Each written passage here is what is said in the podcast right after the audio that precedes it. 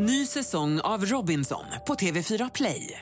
Hetta, storm, hunger. Det har hela tiden varit en kamp. Nu är det blod och tårar. Fan händer just nu. Det. är Detta är inte okej. Robinson 2024, nu fucking kör vi! Streama söndag på TV4 Play. Radio play. Lite speciellt freakshow denna vecka. Vi har för första gången sedan i mars en eh, gäst som inte är boende i Bauer Media-huset. Ja men exakt, vi hittar någon ljudtekniker. Ja. Jobbar du här? Ja, Ja. haka på. Ja. Vi kör. Ja. Men nu välkomnar vi i alla fall en, eh, en riktig gäst, Anita Clemens. Där är hon! Woo! Ja, jag skulle haft effekter där. Ja, exakt. Ja. Eh, Jag tänkte bara börja med en liten eh, eh, kort eh, berättelse innan vi går till eh, vignett. Ja, det finns ett visst mörker här, men jag tänker att det är ett tema som vi sen ska försöka hålla under programmet. Jag, jag står i en radiostudio för ungefär två år sedan tillsammans med Martin Björk som då leder det här programmet Energy Morgon. Mm. Petter är där, rapparen. Framgångsrik Mm. entreprenör. Verkligen. Driver väl restauranger, hotell. Det finns, ju, finns det någonting han inte driver? Jag kommer inte på något. Så säger eh, Martin Björk på, eh, på uppstuds, han säger Petter, du verkar rik. Sen vänder han sig till mig och säger han, eh, Messiah, är du rik? Och då säger jag blixtsnabbt, eh, Martin, om jag vore rik skulle jag inte stå här med dig. Oj. Och sen sätter Martin Björk på en låt och jag, det ligger lite som en dimma i studion det där efteråt. eh, eh, Det där, det där citatet. Jag vet inte riktigt var det kom ifrån men det blev ganska talande och jag tänkte vi kunde prata lite om det idag. Vilken skit man gör för pengar. Åh, vad spännande. Ja. Live från Stockholm, Sverige. Du lyssnar på Freakshow. Ikväll, kändisarnas mörkaste coronagig. Du vet hur det här yrket slutar för de flesta? Förlåt? Det är som när de ska söka en ny lejontämjare på cirkusen. De skriver nekrologen uppe i Vad hände tornet. med den förra? Jakobs ödesnatt på Coop i Råcksta. Och då på scenen när jag står inför hela Coops personal i vä- bredvid Vällingby utanför Stockholm. Var även fr- frysdiskpersonalen där? Det var charken, det var ost, det var frukt och grönt, Ja. torr, torrfoder, det var Det är, en tuff, det är en tuff publik. Torrfoder i Rockstars Coop. Och vem är artisten som borde suttit inne för länge sedan? Jag måste heja, måste heja, måste hejda mig när jag ser en tjusig tjej. Jag måste heja, måste heja, måste hejda mig annars ska polisen ta mig. Ja, det är ganska rimligt när man begår sexuella övergrepp på stan. Då var det fredag. Hoppas ni sitter ner, ja, eller står ni får lyssna lite hur ni vill. Det här är Freakshow, Sveriges snabbast växande nöjespodcast med mig, Messiah Hallberg och Anita. Öqvist. Oj, förlåt. förlåt vi tar om den. Vi tar om den. Har vi repat på det här? Tyvärr är det live Anita, det går inte att ta om det. Det går inte att ta om det. Det är omöjligt. Nej, vi provar en gång till. Vi- Jag heter Messiah Hallberg med... Men det säger ingen. Det här är ju som att jobba det med barn. Som Jakob, det är du nu. Ja, men jag står ju i min egen lilla bunker, jag vet inte vad ni gör där inne. Där. Ni kan ju hångla, ni kan ju vara nakna, ni kan vara vad Ja, som vi är helst. Jag, jag är helt... Vi ja, väntar bara på att du ska säga ditt namn. Och sen Okej, av kör oss. ditt först då. Okej, jag är beredd. Jaha. Anita Clemens. Och? Jakob Ökvist. Ja. Bra. Ja, det där Då funkar. Det är en morgonshow. Eh, Anita, välkommen hit. Hur har din eh, coronapandemisituation varit? Eh, den har varit, eh, den har varit mycket hemma vid. Ja. Och också att då jobba hemma med sin sambo. Och man ses i lunchmatsalen klockan 12 och äter en gemensam lunch. Och sen går man tillbaka in på varsin kammare. Men jag har ju träffat din sambo. Han är ju en väldigt trevlig man. Ja visst är han. Ja, han ser ut som han är klippt från en eh, reklamkatalog för linneskjortor. Ja, Är det bra eller dåligt? Det är bra tror jag. Ja, Ja. nu när du säger det. fräscht, Ja, visst. En Ralph Lauren eh, på honom. Och Alltså sen, gör inte så här mot mig. Du vet han kommer inte kunna hantera det här självförtroendet efteråt liksom, på ett värdigt sätt. jag tänkte vi kunde prata lite om det där, vad man eh, gör i den här sfären, eh, den här mediasfären. Speciellt då när det, när det kommer en pandemi som drabbar oss alla. Den har ju slagit ganska hårt mot kultursfären och, och, och mediesfären och många kanske tycker att det här är egentligen ingenting som, alltså det här är inte människor som drabbas på riktigt. Det finns ju folk som sägs upp från, vad ska man säga, lite mer erkänt viktiga jobb. Alltså det finns ju folk som jobbar som, ja, inom vård och sånt där. Det var tusen banktjänstemän som fick sparken i veckan. Ja, bara en sån sak. Där har vi några människor med, med bra värderingar som nu måste hitta ett Jag som har annat jobb. slitit. Och Ja. ändå så här, Intersport som har funnits med så länge Exakt. gick i graven. Exakt. Det är ändå bisarrt. Ja, det är bisarrt. Mörkt. Men det, men det är många kulturmänniskor som har klagat och hur ska jag nu få min inkomst? Och ibland kan man känna att vissa kulturmänniskor också kanske knappt hade en inkomst innan pandemin. Alltså, du vet, man har ju hört såna här rubriker så här. Ja, min dockteater har haft det jävligt tufft sen coronan kom. Man bara, ja, det var ingen som kom, det var ingen rusning till din dockteater innan heller Bengt. Alltså att det var... Jag menar coronastödet, det är fem års eh, årsinkomster för den här Bengt. Ja, men, jag tror- men du vet, eller komiker som bara, nu är det jävligt glest på showerna. Man bara, det, det har varit ganska glest ett tag nu Soran. Alltså att det, det, det, det, ni förstår vad... vad Ja men så är det. Ja, ja. ja. Men alla kämpar på. Ja, ja, verkligen. Eh, men det som har slagit mig då är att, att ehm, man kan ändå känna för artister och eh, förmågor i media för att, för att vi i Sverige är ganska hårda på att döma folk som dyker upp utanför sitt element. Alltså om man ser någon från, som var känd i, i skilda världar eh, på, på 90-talet och så tänker man så vad fan hände med den där losern? Och sen kanske han Bengt Dahlqvist eller vad han heter jobbar på ICA och så tänker man så här, kolla på det, här, vilken förlorare i charken. Alltså, Det var här du hamnade. Ja, det var här du hamnade. Att det, det- alltså, det, är så, det är så ett konstigt förhållningssätt. För det, det finns ju inte så mycket pengar i Sverige egentligen.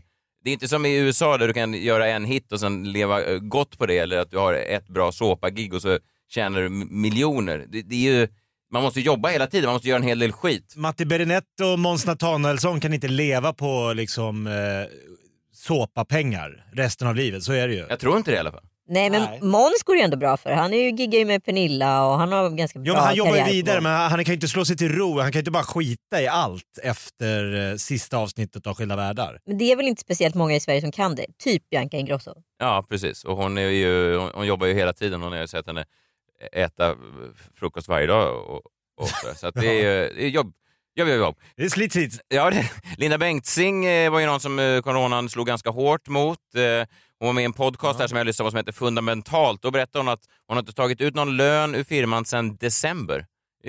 På hela året. Alltså hon började...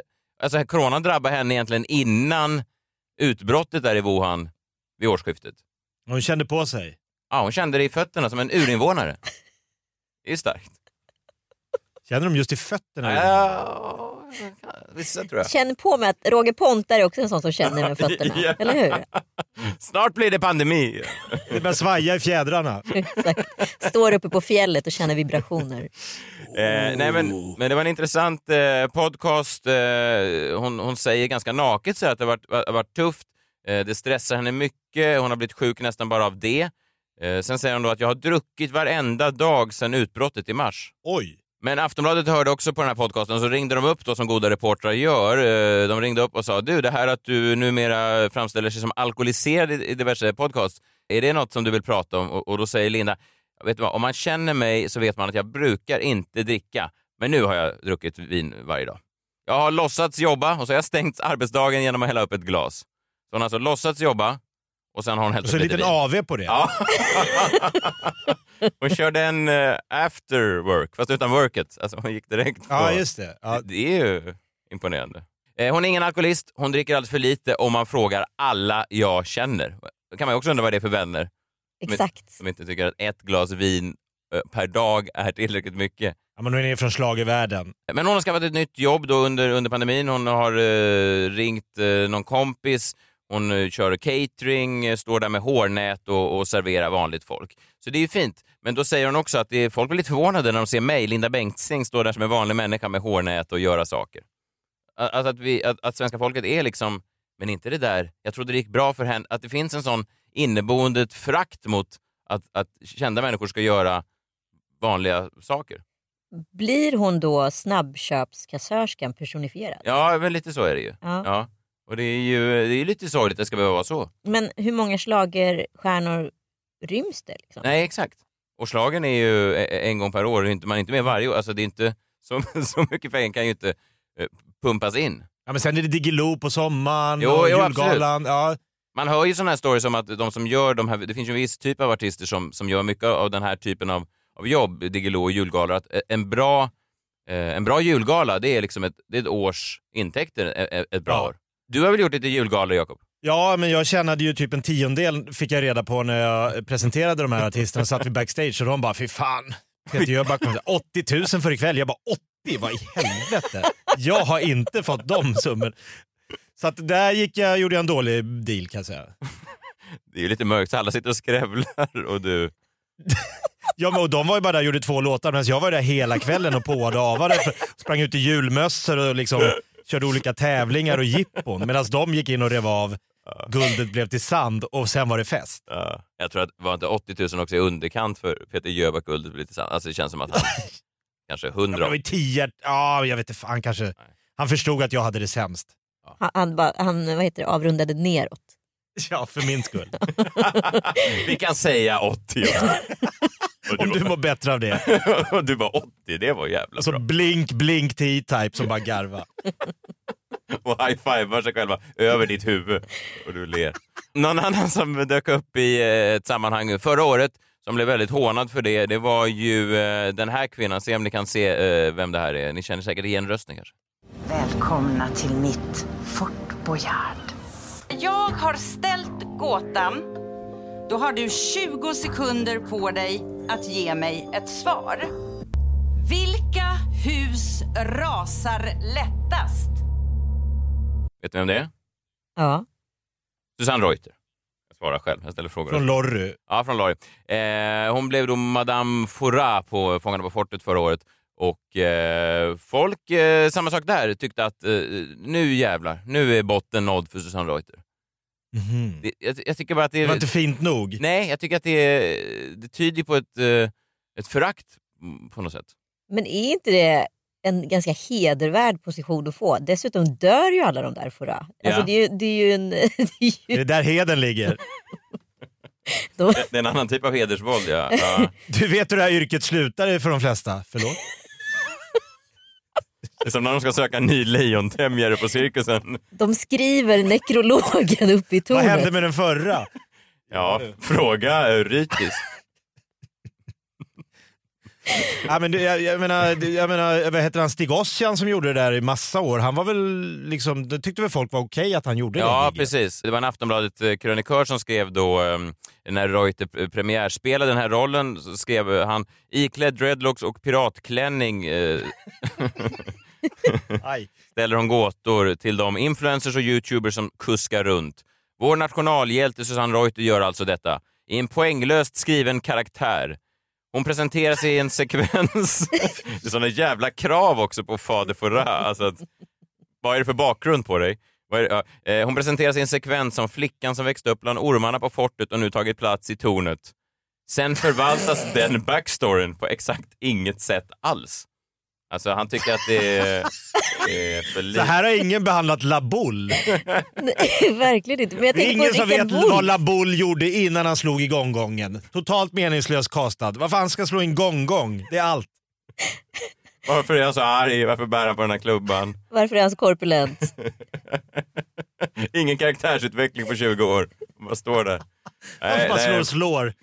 Men Rickard Wolffs karaktär, han skulle ju ändå aspirera på någon form av Jack Sparrow. Ja, just det. Ja, Alltså, där fanns det lite mer. ja exakt. Ja, så... Men vilken nivå tänker jag? För Stig Ossian han var med i Göta kanal och sen har inte han gjort så mycket. Nej, Eh, Men folkkär men icke-frekvent. nej. Eh, Rickard Wolff, Änglagård, lite, lite fra- franska vad heter det, chansons. Ja. Ja, men Stadsteatern, men folkkär. Dramaten. Han, han, någonting mer har han väl gjort? Jo, jo absolut, men fortfarande icke-frekvent. Förstår du? Susanne Reuter, väldigt frekvent. Ja. Och Ja, väldigt folkkär. frekvent. Där har vi, det, det är ske, skevar. Ja, det är kanske det att folk har sett henne i så många olika och de kunde inte se henne ställa sig i piratklänning och dreads. Nej, men jag menar återigen, man gör ju en del skit för pengar. Ja, såklart Susanne Reuter kanske inte hade tagit det jobbet eh, om de sa det blir inget betalt. Eller du får samma betalning som Jakob Ökvist fick när han ledde julgalan. Med E-Type och Peter då Jöback. kanske de skulle säga, va? Så lite pengar går jag inte ens upp ur sängen för. Men, men, eh, men, nej, men vad fan, jag menar bara att folk måste ha en viss förståelse för att det inte är så jäkla lätt va? Men alltså, jag, det finns ju ett sånt jävla mediamörker här ute. Ja, alltså, det värsta, vad är det värsta du har gjort? Egentligen i stort sett alla sådana här företagsgig tänker jag. Alltså, det- men du vet, någon, någon gala i Älvsbyn, årets eh, frisör i Älvsbyn. Årets tändstycke i Älvsbyn. Ja. Ja, eh, allt sånt där och så möts man av de här lokala entreprenörerna som är superpeppade och säger så här, är du pepp? Och man, så här, sitter, man, jag brukar ställa en timer bara som räknar ner hur många timmar det är kvar tills jag får lämna lokalen. Men skillnaden här, för dig där och Susanne Reuter är att du får inte en recension i Aftonbladet Nej, av nej. någon eh, Nej. kille med kepsen på sned. Nej. Nej. Men om man pratar mediemörker så finns det ju egentligen inget tydligare mediemörker än det som inträffade den 18 mars 2013. Jag vet inte var ni var då? Nej, mars. minns inte riktigt. Jag kanske skulle ha förberett dig Jakob lite, det är ju svårt att veta exakt. 18 mars 2013. Ja, det är några år sedan nu. Ja, det är det. Ja. Anita, kommer du, Nej. har du något? Helt borta. Nej. Ja, I alla fall, det var då det här premiärspelades. Idag är det meningen att jag ska göra mitt första framträdande som Black. Men jag tänker inte göra det. Jag heter Tommy Nilsson. Det finns bara en Tommy Nilsson.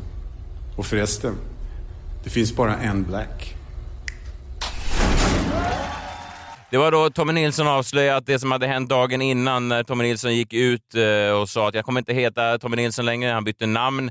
Han lanserade hemsidan blacktheartist.se. Han gick då ut och sa att han var, han var trött på den här gamla karaktären Tommy Nilsson med öppna din dörr och dina färger var blå. Han ville bli en mer en hårdrocks-Tommy igen. Han började sin karriär som någon slags hårdrockare och då ville han kliva in i det igen.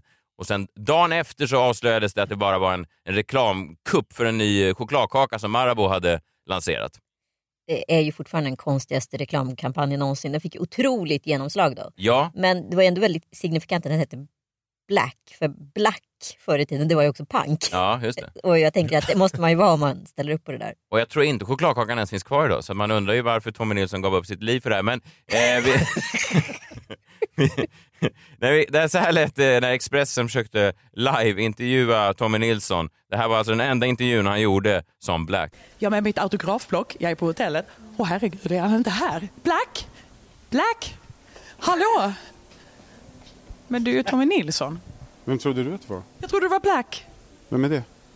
Nu får du sluta, var är allt ditt smink? Nej, men det, det, det finns ingen Black. Det finns ingen Black. Det finns bara en Tommy Nilsson. Varför har du gjort allt det här?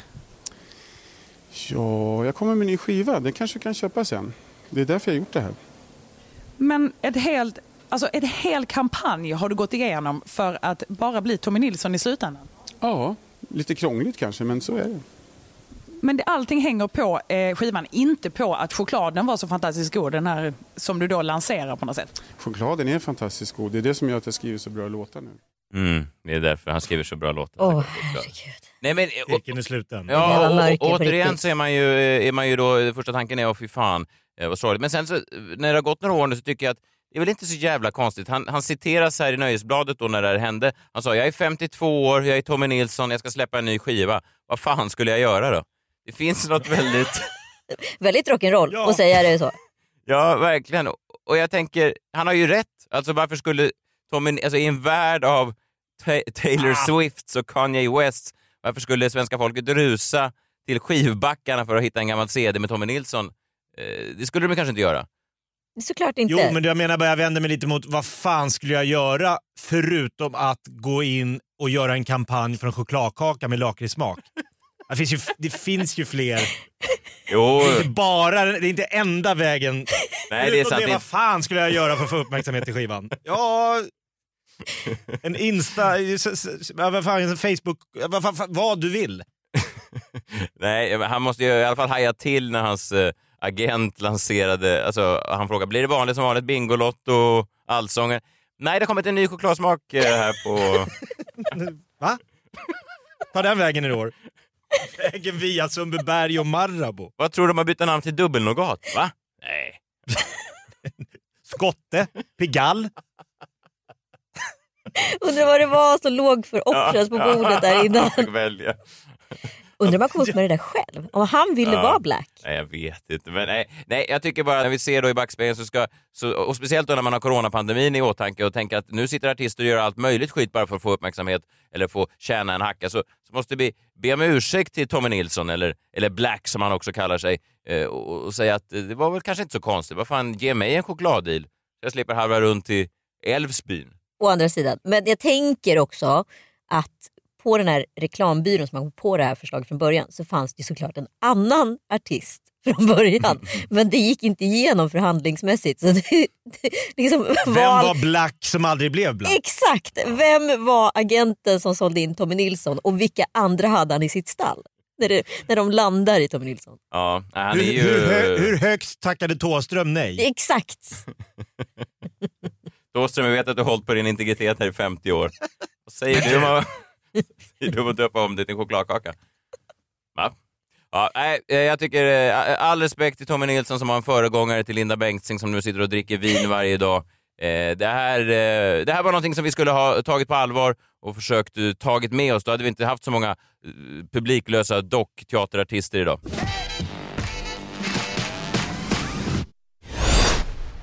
Ny säsong av Robinson på TV4 Play.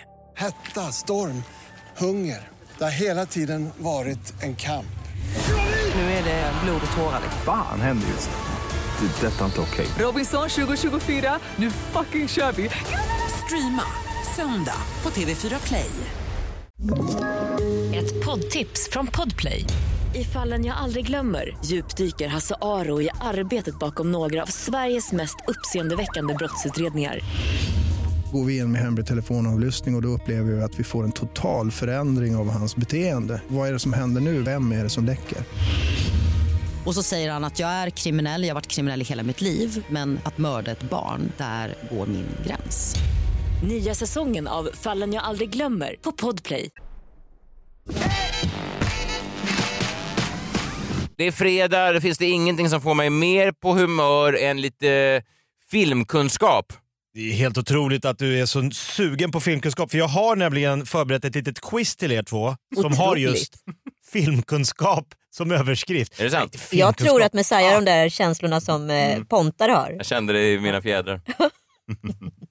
Du är en urinvånare. Nej men alltså, eh, coronapandemin i all ära, men den, det är många som har tar fram de negativa sidorna. Positiva är att man får tid över till till exempel då att titta i kapp lite olika filmer och serier som man har blivit tipsad om Ja. som man inte har hunnit med. Precis. Och jag har nu, det här är helt sjukt, jag har sett tre, eh, eller jag ska säga så här, jag har sett filmer och serier. Eh, jag har skrivit upp tre av dem. Två är exakta korbo, karbonkopior på mitt liv. En är inte det. Jag tänkte nu läsa upp tre titlar och så får ni gissa vilka två av tre som är exakt som att de har liksom, de har sett mitt liv och gjort en film eller serie om det. Det vore kul om den första var Jurassic Park, för då kan jag redan nu... Nej. Nej, Okej, den är inte med. Nej. Inte en mygga med DNA från kritatiden som tinas upp. Nej. Och, Nej, det var bara en det har inte Nej, hänt. nej. Ja. Okej, är ni beredda på de tre? Absolut. Cobra Kai Ja. 1, kryss, Pulp Fiction Ja. 2, A Star Is Born. Oj. Oj. Jag har bara sett, jag har inte sett Cobra Kai, var det någon karatefilm eller? Nej men vad fan. Vadå? Har du sett den inte? Ja men det var ju tusen år sedan men jag tror att det är Cobra Kai. Tusen år sedan, den går ju nu. Den har ju precis haft premiär på Netflix. Va? Du tänker att Karate Kid eh, har du sett? Men det finns ju en gammal film som heter Cobra Kai. Nej, Nej. den Nej. hette Karate Kid. hette. Ah, 1, okej. 2 och 3. Aha. Okej, men det är något slags ka- karate-tema även i den här då? Exakt. Okej. Eh, Pulp Fiction har jag svårt att se det i. Får vi någon mer info eller är det bara, eh, ska vi gissa? Nej, det här nu, jobba i grupp. Ja, Okej. ja, men du håller ju på med kampsport så det kan jag tänka mig kanske att, eh, att du kan känna igen dig i. Star is born. Känna igen mig alltså det är exakt mitt liv. De, alltså det, det, de här filmerna eller serierna är exakt, de har snott mitt liv och gjort till en serie eller film. Så du kommer, har alltså träffat en tjej som är ett ämne och du är ju också då före detta artist. Det är du ju, du har ju släppt låtar, absolut. Före detta framförallt. Och, Alltså, jag skojar, jag och du har skojar bara. tinnitus, du har tinnitus som kommer ta livet av dig. Ja, det var ju mörkt. Jag, det tycker jag låter mörkt. Jag tror att ditt liv... Nej, men, Ah, vad- ni, vilken stryker ni? Två är ju helt rätt. men vad handlar Pulp Fiction om om man ska sammanfatta det? Ja men det handlar om... Ja, det är luddigt, Ja. men det är ju någon form av klocka som han har haft i arslet, Bruce Willis. Ja, det låter som du. Jag Det är rätt. Nej. Klocka, hamburgare, dans. John Travoltas comeback på vita duken och så vidare. Nej, men det, det är Överdos. faktiskt det är ju någon form av gangster eh, avrättningar och grejer. Jag har faktiskt inte varit med om samtliga scener i Pulp Fiction. Hör och häpna. Nej. Däremot Cobra Kai och A Star is Born, det är ju exakt mitt liv, båda de. Det är ju det som är så märkligt. Så kryss, eh, kryss var, skulle varit rätt svar då? Pulp Fiction? Ja, kryss ska bort. Ja.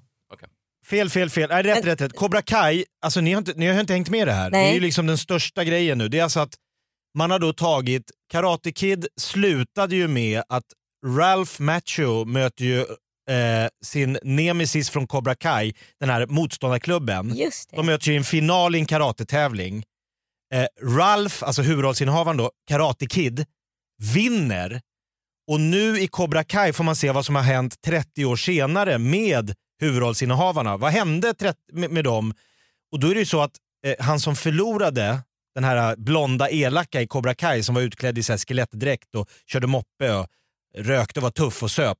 Han har ju gått fullständigt åt helvete för, för han förlorade ju turneringen. Mhm. Karate Kid, Ralph Macchio, han blev ju dryg och uppe i sig själv. Han vann ju och blev hyllad. Så han har ju blivit en liksom kaxig bilförsäljare i Los Angeles och säljer lyxbilar. Okej. Och då undrar ni, kopplingen till dig Ökvist? Ja, i- 1987 så var jag med i Master Lim Cup i Solnahallen, gulbältesklassen. Okej, jag minns inte exakt den här tävlingen men ja. Master Lim Cup. Lim som är, som är klister. Ja, han hette det. Den här, eh, Master Lim var ju en legendarisk eh, taekwondo-tränare i Sverige. Lim var efternamnet. L-I-M. Master Lim. Jo, jag hör master, men vad är efternamnet? L-I-M. Jag trodde länge att det var en sponskupp utav ett lim-varumärke. Förlåt. Mr Klister. Nej, men han hette Master Lim. okej. Han hade en kupp. Jag Okej. var med och jag, jag förlorade finalen i gulbältesklassen mot Lilldutta från Kallhäll. Jävla namn det är ändå. Otrolig repertoar. Och jag fick reda på i veckan att Lilldutta sitter inne. Inte Lilldutte, det hade jag aldrig trott om honom. Lilldutta sitter inne. Så det här är alltså det är om, att, eh, exakt spegelvänt från Cobra Kai där... Du, för jag är ju nu då den Du är lyck... bilförsäljaren. Ja exakt. Ah. Det är omvänt. Det är, liksom spe... det är en exakt spegelvändning. Och han är då Ja, eh, exakt. killen som... Va? Ja, exakt. Ja. Förstår du vad sjukt att få så, att det är en spegelbild av mitt eget liv. Ja. Jag förlorar Master Link Cup i Solnahallen. Mm. Lo, eh, Johnny Lawrence för, vinner, eh, förlorar eh, Karate Hur går det Kid-turneringen. Jakob? All Valley-turneringen. ja, men, Okej, Ja. vi hoppar över till Nej, men A jag, Star jag, jag, tror, jag tror ibland att det är dumt att du röker på precis innan du börjar titta på filmer. Ja, men man är, jag förstår att inte ni har sett Cobra Kai. Nej, inte, nej, ni det ser det. inte, ja, det Okej. knyter inte in till mitt liv. Nej. A Star is Born den handlar ju då om en lite dekadent... Eh, han är ändå en stjärna. Han är ju liksom en superstjärna i country and western Bruce Springsteen-segmentet någonstans. Bradley Cooper, hittar ja. ja. Ja, exakt. Och han hittar den här uh, burleska kabarésångerskan på någon liten pub när han går in där på fyllan. Eh, han tar med henne på turné för att visa henne världen. Mitt under ett gig för liksom 20 000 pers så liksom vinkar han in henne på scenen. Ja, pst, pst. Och hon bara nej, nej, nej, jag vågar inte, jag vågar inte. Jo, jo, jo, jag, jag ska visa dig, det är lugnt. Tar henne, det här, this is my new girl, let her sing. Och så får hon sjunga och hela världen blir så här: wow, vilken jävla sångröst. Det här har jag ju exakt varit med om i mitt eget liv. Eh, Att du var en otroligt hyllad countryartist. Nej, inte just country. Men jag var ju en hyllad ståuppkomiker efter Stockholm Live-eran. Åkte land och riket runt på olika firmagig. Ja. Och en blond ung kille vann eh, Bungy Comedy som heter Björn Gustafsson. Just det. Just det. Och då sa man så här, du, eh, du, som, är, du som är erfaren och liksom eh, mogen och trygg på scenen och kan ta en publik. Kan inte du ta med den här killen på lite firmagig? Ja. Så vi körde bland annat för Coop i Råcksta. Ja. Och då på scenen när jag står inför hela Coops personal i Råcksta eh, vä- bredvid Vällingby utanför Stockholm. Måste fråga, var, Då har är, jag med mig... var även Då har jag- frysdiskpersonalen där? Ja, alla. Alla var där. Ja. Det var charken, det var ost, det var frukt och grönt. Ja. Det var eh, torr, torrfoder, det var Det är, en tuff, det är en tuff publik. Torrfoder i Rockstack Coop. De har sett mycket, sett mycket bra comedy. där står ju en storögd blond liksom Björn Gustafsson, nervös, darrar och ser mig liksom bemästra den här liksom, publiken på ett liksom, helt mir- mirakulöst sätt. Hur fan han bara går upp och äger. Och jag säger, hörni, fan, eh, jag har med mig en kille här, ge en chans. Ja. Det är inte lätt. Jag, jag minns när jag var valpig och ung. Och Björn stapplade upp där och på så här lite darrig göteborgska drog sina lite halvbilliga skämt. Och jag sa, visst var han skön liksom. Föga visste jag ju då att han skulle få Parlamentet, Melodifestivalen, egen DVD-box och åkte runt och grävde guld med täljkniv 20 veckor senare. Deppigt. Förstår ni? Ja, jag det är exakt The Star is Born eh, Ja. premissen kan man säga. Om Ja. man skulle skriva en En svensk? Ja, absolut. Eller liksom bara, om man bara skriver ner, om man, om man går filmvetarlinjen och skriver om A Star is Born så är det ju Coop-gigget i Rocksta. Det är ju det. Liksom. Det är ju när hon kommer in där första gången. Tell me something girl. Jag vet inte. Are Är you det, happy? Va? är det ex... Jaha. Du menar om man ska kunna göra en Star is Born 2 så, så är det inte... Började på Coop. Man bara ser någon som packar ner torrfoder i, i en korg på en sån lastpall. Ska du på firmafesten ikväll? Jag hörde bli stand-up med han Ökvist. Nej, Jag vet inte. Jo, vi går. Oj, pratar alla norrländska i Rockstad? Jo, men på Coop Shit, tror jag alltså. många jag har, det är inflyttade norrlänningar Ja. som jobbar på Coop. I alla fall frysdisken. Har den samma trista slut att du hänger inne bakom frysdisken? Nej men det är därför det inte har blivit någon tvåa Nej. tror jag. För att det är inte lika spektakulärt att eh, han den här avdankade börjar jobba på Mix Megapol. Inte samma svung som att gå och hänga sig. Folk sitter och gråter i salongerna. Inte Mix Megapol. Jag var så förtjust i honom. Han var ju på Coop. Vad hände? Sitter du på en, på en bild i personalrummet? Litet inramat foto. Någon tänder Ja, ett det ljus. tror jag jag gör. Kommer du ihåg när Ökvist var... Det var vad, vad hette den där valpiga blondinen som han hade med sig? Ökvist är ju död. Nej, jag hörde han på radio Mix Megapol. Ja, det är död för mig. Varför kunde han inte bara namnge sig efter en chokladkaka som alla andra?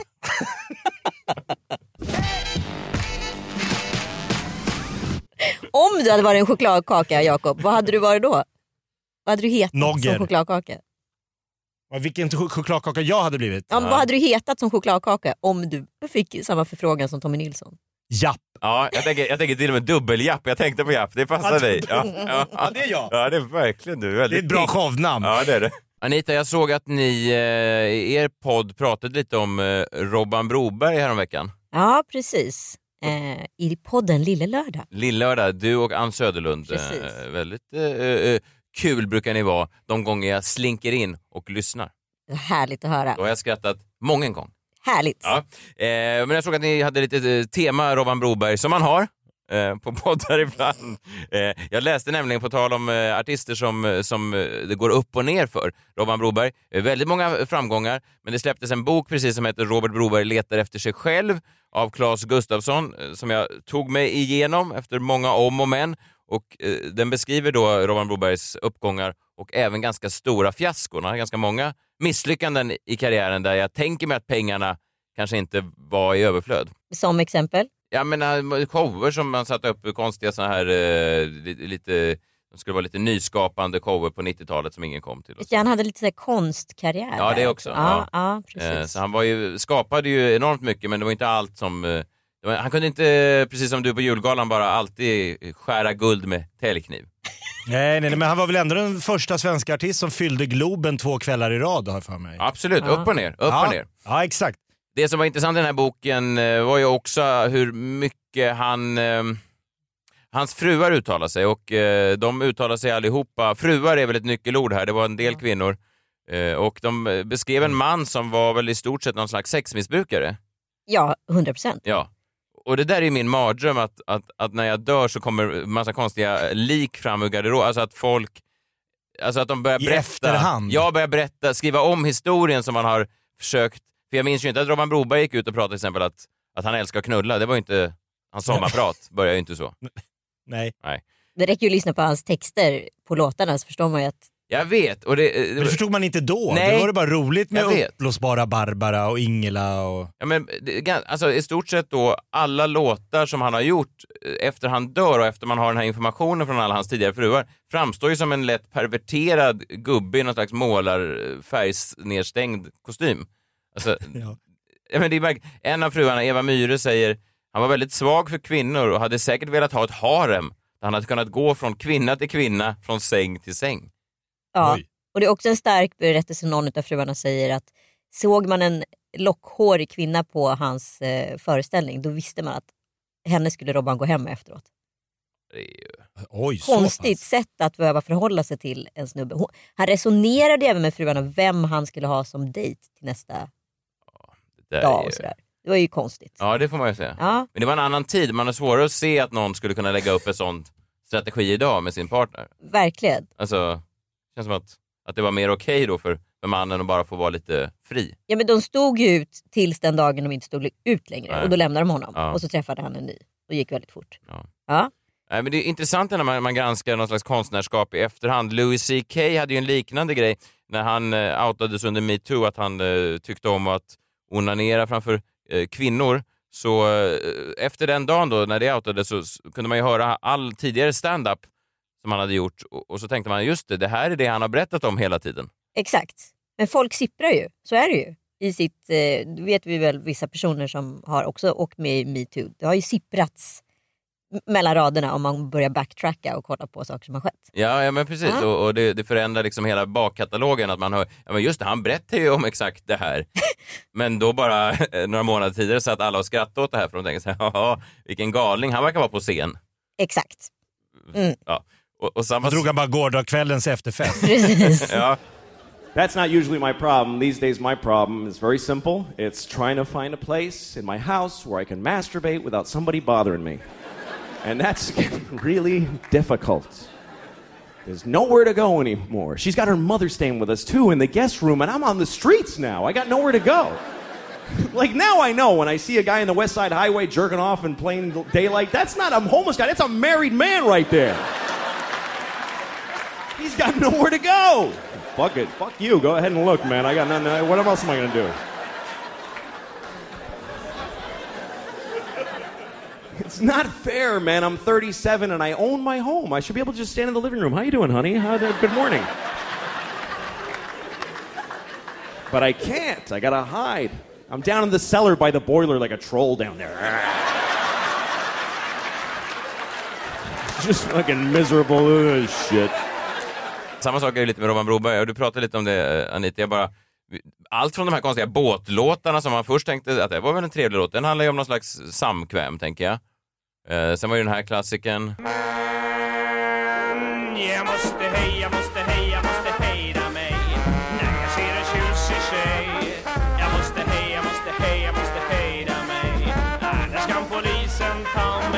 Ja, det är ju ganska rimligt när man begår sexuella övergrepp på stan. Men det här är ju 80-talet. Alltså det är helt sjukt. Den, den där fonden, den där liksom pastelliga fonden och krispiga inramningen. Man kan säga vilka sjuka grejer som helst och ingen fattade. Som världens Nej. kamouflage. Sällan har väl ett sexuellt övergrepp skildrats på ett sånt trallvänligt sätt. Hur? Annars kan polisen ta mig. Det är, inga, det är rejäla liksom. Och gummor och gubbar satt i publiken. Ja, du får passa dig Robban när du är ute och tallar på damerna. Att det, det var en sån... Det här var väl alltså på trallvänlig. Skansen-trallvänligt? Ja, verkligen. Eller den här tiden när han, när han plötsligt bara började prata om olika sexdockor som han hade med sig.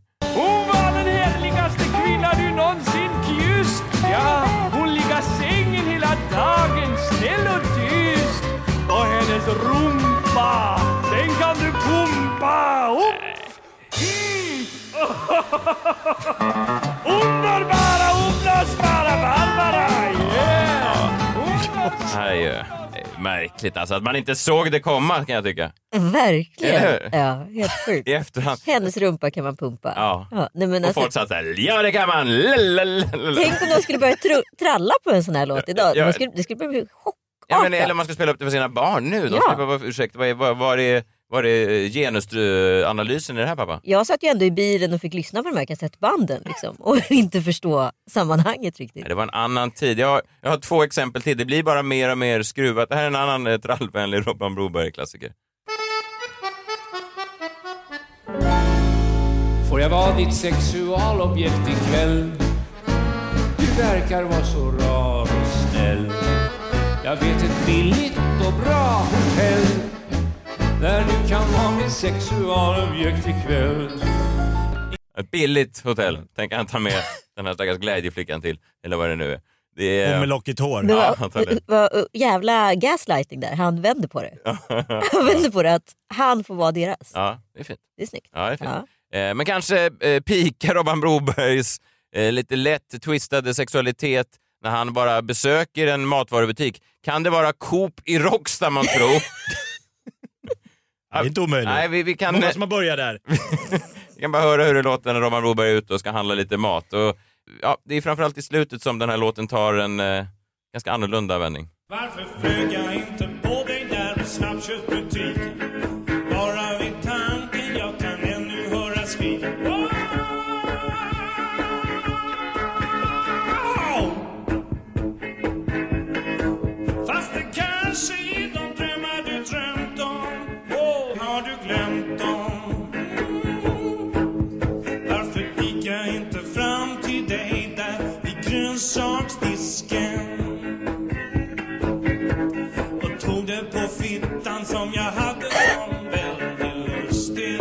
Ursäkta mig? Du kunde säkert tänkt samma sak och i brallorna var ballen rak. Varför tog jag dig inte där i snabbköpsbutiken? Ja, påminner det här om giget i Råcksta? Minns inte exakt att det var det materialet Björn Gustafsson körde. Eh, Otroligt efterhand. Otroligt. Varför går han, inte, går han fram till en främling vid frysdisken och tar henne på könet? Han skulle ångra om han gjorde det. Varför gick jag fram? Men varför jag gjorde det inte så ångrar han sig. Det är det som... Men, men apropå din tes där Jakob, att eh, det har gjorts filmer om ditt liv så kan man ju säga att det har ju skrivits en bok om Robert Broberg. Alltså. Är det Arnoa, alltså K-klubben som har skrivits om Robert Broberg? Det är svårt att veta vems liv Ja, det är. verkligen. verkligen. Har han skrivit Arnoa soundtrack eller tvärtom? Man förstår ju att så här gick det runt i hans huvud dag och natt. Ja, och ibland så slutade ok det... att bära. och Ibland så slutade det då i någon slags trudelutt. Som Lasse Berghagen kunde stå och trampa i takt med på, på allsången. Men annars så försiggick det bara i hans huvud de här. Men det här är ju det som är så jävla intressant med honom för att han var ju en otroligt uppburen artist på Mm. 80 och ja, i alla fall i början på 90-talet. Och sen är det ingen som kommer ihåg honom fem år efter hans död. Men det går, handlar ju bara om att det går inte att spela hans låtar. Alltså det går ju inte att lyssna på dem värdigt. Ja, det finns Men väl... menar du Messiah att de satt med häften på Allsången med Bosse Larsson? Varför tog jag dig inte på fitan? Fitan! Och så var det alltså, så här, pekan ut i publiken ska de svara. Och så sådana storglasögade Elsa och Gun satt och tittade på varandra och log och gjorde den där handrörelsen från sida till sida. Men jag tänker också hur det här illustreras då från scenen för ibland måste de ju alltid illustrera saker med händerna på scenen. Ja. Visar han då ett stånd ja, och visar han ett så här fittenyp liksom. Ja antagligen, det är svårt. Det har de här teckentolkarna aldrig behövt eh, stå. Men man tänkte inte på det då, man bara tyckte det var gulligt. La, la, la, la, la, la, la, la. la, Vad härliga ni Tralla med nu! Åh vad På knasigt. sidan 13 i häftet. Åh, herrejävlar. Det var en annan tid. Jag bara, jag bara påminner om att eh, det går upp och ner i artistkarriärerna. Va? Ena dagen så flyger man högt, andra dagen står man vid en frysdisk inne på Coop i Råcksta och försöker ta någon på könet. Men man ska inte döma någon. Eller det, i det fallet kanske man ska döma någon. Men jag tycker undrar vem som är 2020s eh, Robban Broberg. Ja. Den kommer ju komma. ja, jag gissar att det är någon av alla de här eh, YouTube-killarna. De känns eh, skumma per definition. Oj, oklart. Ja, ja, verkligen. Ja, det gör de. Eh, Gå gärna in och rösta, eh, tyck till på iTunes och sånt där. Fem stjärnor, jag är som en sån Uber-chaufför. Tryck fem stjärnor om ni, om ni gillar det vi gör. Om du vill re- resa vidare. Ja. Det är ni som gör det möjligt för oss att tjäna inga pengar. Vi hörs nästa helg. Hej hej! Hej hej! Hej hej, vi ses på Coop! That's life. That's life. That's what all the people say. You're riding high in April, shot down in May. But I know I'm gonna change that tune. When I'm back on top, back on top in June. I said that's life. That's life. And as funny as it may seem, some people get their kicks stomping on a dream. But I don't let it, let it get me down. Cause this fine old world, it keeps spinning around.